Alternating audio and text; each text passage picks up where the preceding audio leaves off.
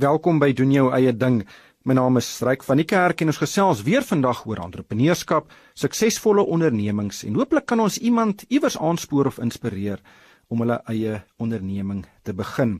Ek gesels vandag met twee entrepreneurs wat besighede begin het en bestuur wat 'n reeks ondersteuningsdienste en finansieringsdienste vir voornemende en bestaande entrepreneurs bied. Tanya Cunningham is die mede-stigter van The Startup Hatchery.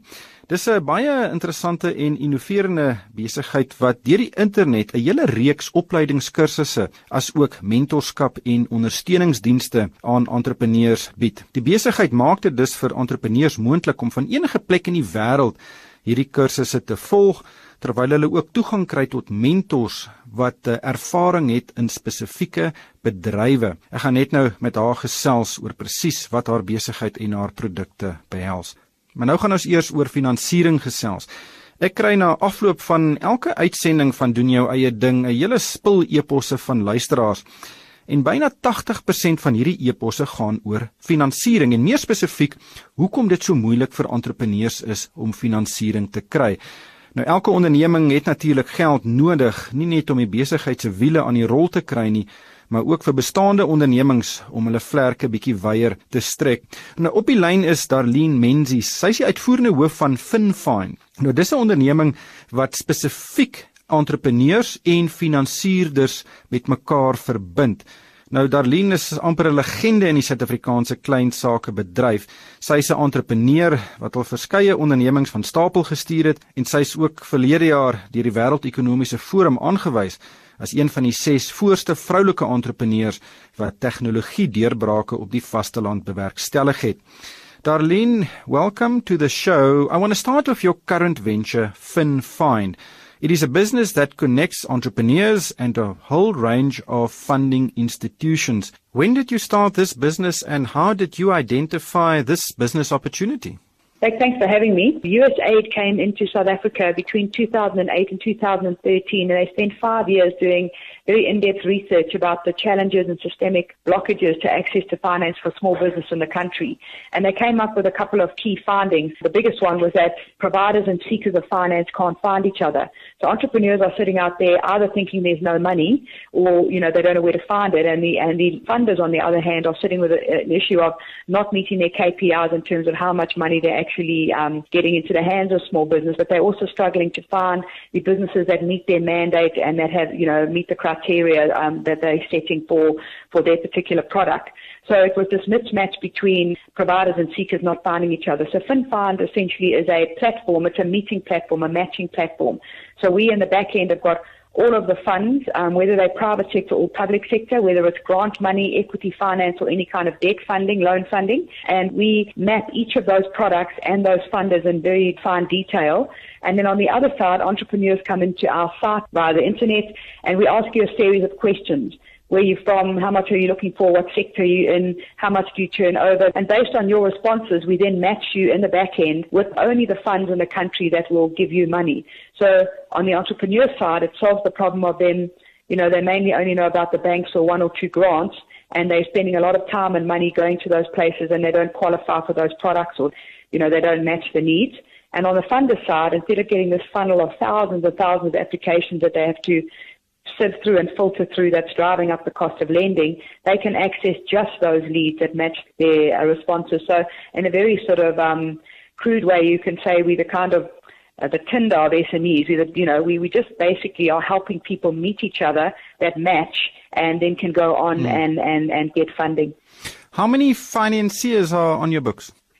So at the moment, there are over 200 financiers and there's over 500 products. Where one bank, for instance, might have 12 different types of facilities for small business. Majority of our funders have one fund, but then there's a number that have one to five, five to 10, and then some that have a few of them like the banks and some government um, agencies that have um, over 10. In the study that we did for the report that was recently released, the 2017 data set of funders, we had 128 products and 148 funders that were reviewed. So there are a magnitude of options for entrepreneurs, but as you've said, the entrepreneurs who are looking for money struggle to get access to the correct provider of funds. Yeah, I think there's a, there a couple of problems. I mean, if you just think of somebody that you know who's a small business owner, and they now want to try and raise finance. Most resort to Google, Google searches. Now the problem is that the information provided by financiers is not very, the, the publicly available information is often very vague or overcomplicated or not very well represented. A lot of that because they're not wanting to give too much of their, their own credit scoring and, and their own IP away in, in the public environment. For instance, many of them will say that they'll either be silent on collateral or, or, they won't easily state that they need collateral.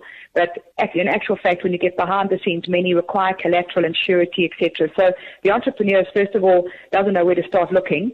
And then also they don't know the different products. So they might find a funder, but that funder might have, for instance, an invoice discounting product, a term loan product, different types of, I don't know, access to asset finance or specific types of, of sector products. And the entrepreneur doesn't know the difference. What is invoice factoring or discounting and how can it help me? What is a term loan? What is equity finance? You know, what's the difference between asset finance? Why, why is there a difference between raising money to start a business versus growing a business? So without the knowledge of what the different products are, they're hamstrung because First of all, they don't know who the lenders are, and when they get to the lender, they don't know what product matches their need.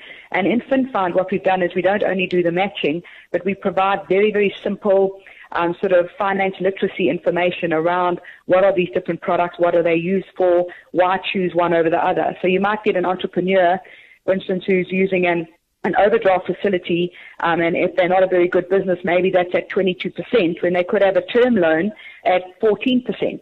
But they don't know the difference. They're just taking whatever they can get. So it's very much around educating not only how do you contact the funder, but once you have and you have a look at their products, how do you actually determine which is the one that best suits your particular need? How many uh, entrepreneurs have you matched with funders? Since we were launched by the Minister of Small Business at the end of October 2015, we've got over 160,000 users on the 2017 data itself. Remember that each match, if there's 160,000 users, each one will have a multiple match, so it's, it's in the tens of thousands.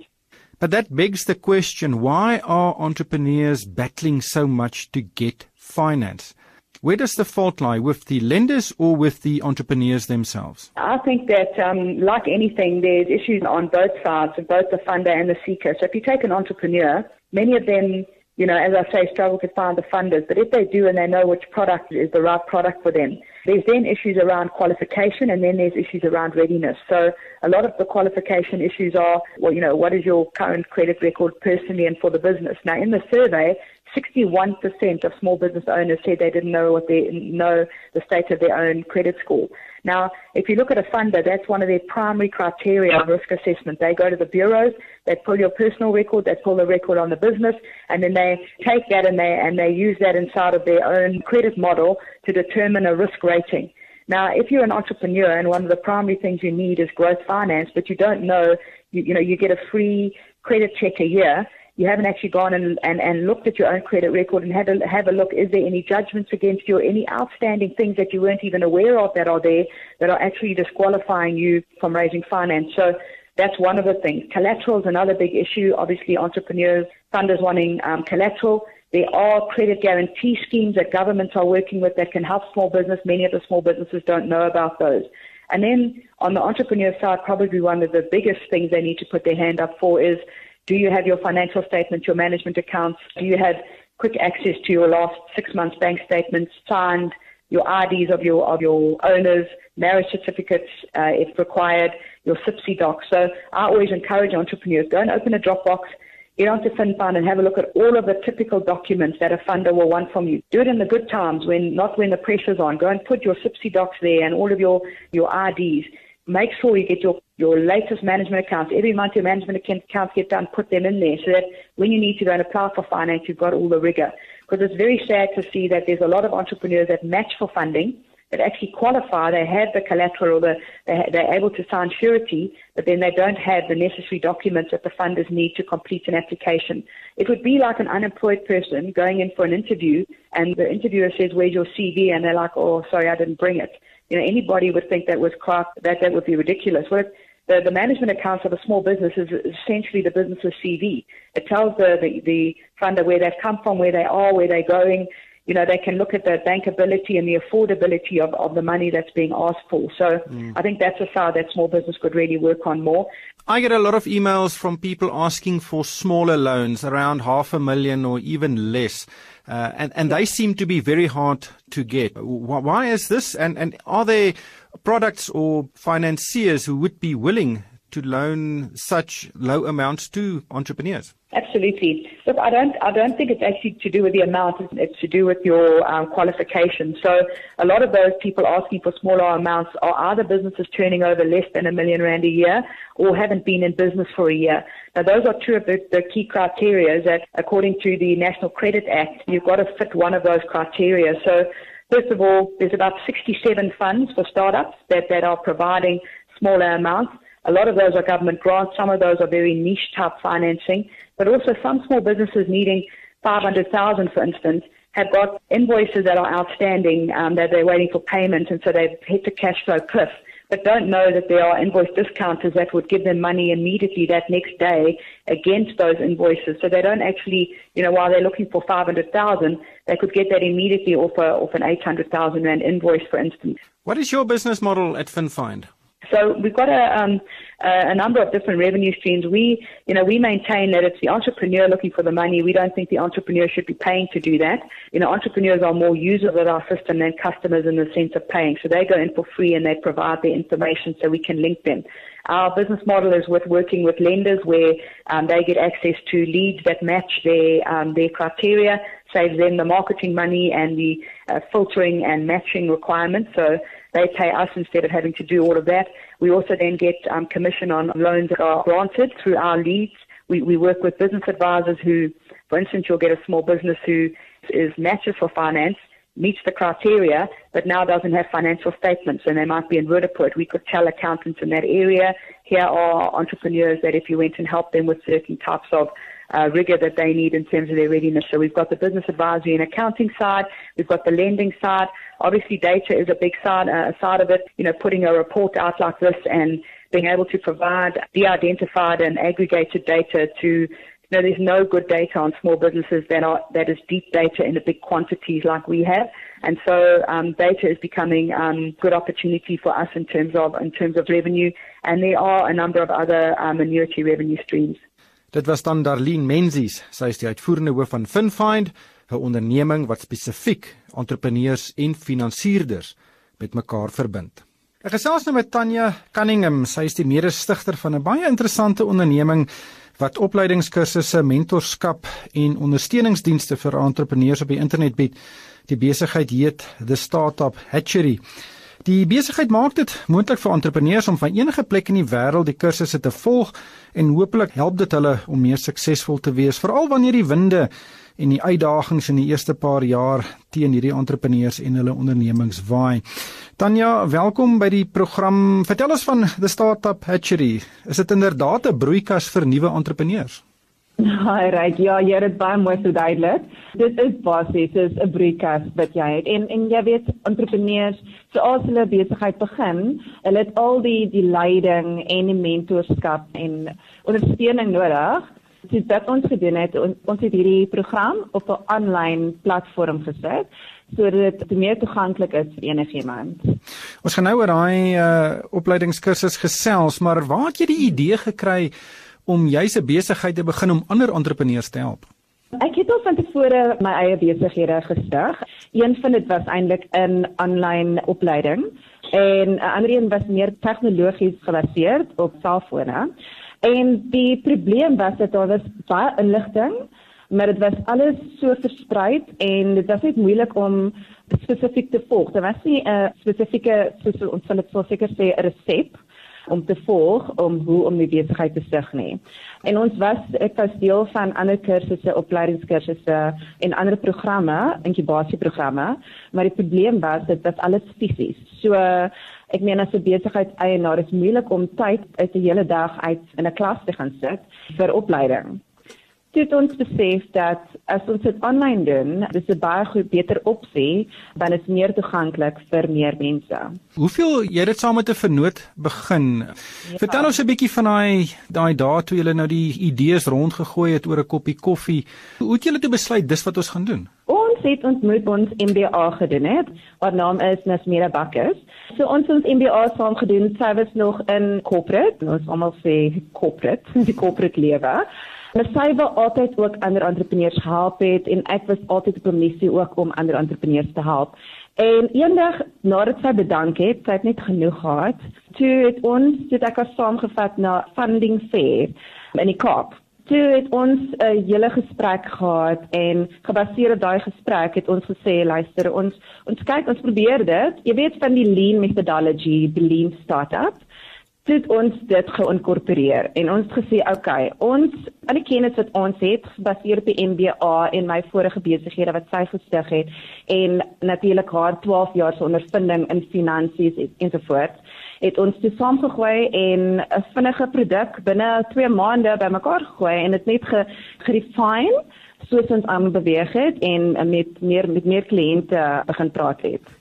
Kyk, die internet is 'n interessante besigheidsomgewing want jy het hierdie ja. ongelooflike groot gehoor uh, wat 'n voordeel en 'n nadeel is omdat daar baie mededinging ook is. Vertel ons hoe het julle dit op die die besigheid op die fisies op die been gebring en die inhoud begin ontwikkel vir die besigheid want natuurlik is julle die produk wat julle moet verkoop is 'n studie handleiding of 'n kursus en uh, daar's baie van hulle beskikbaar daar buite.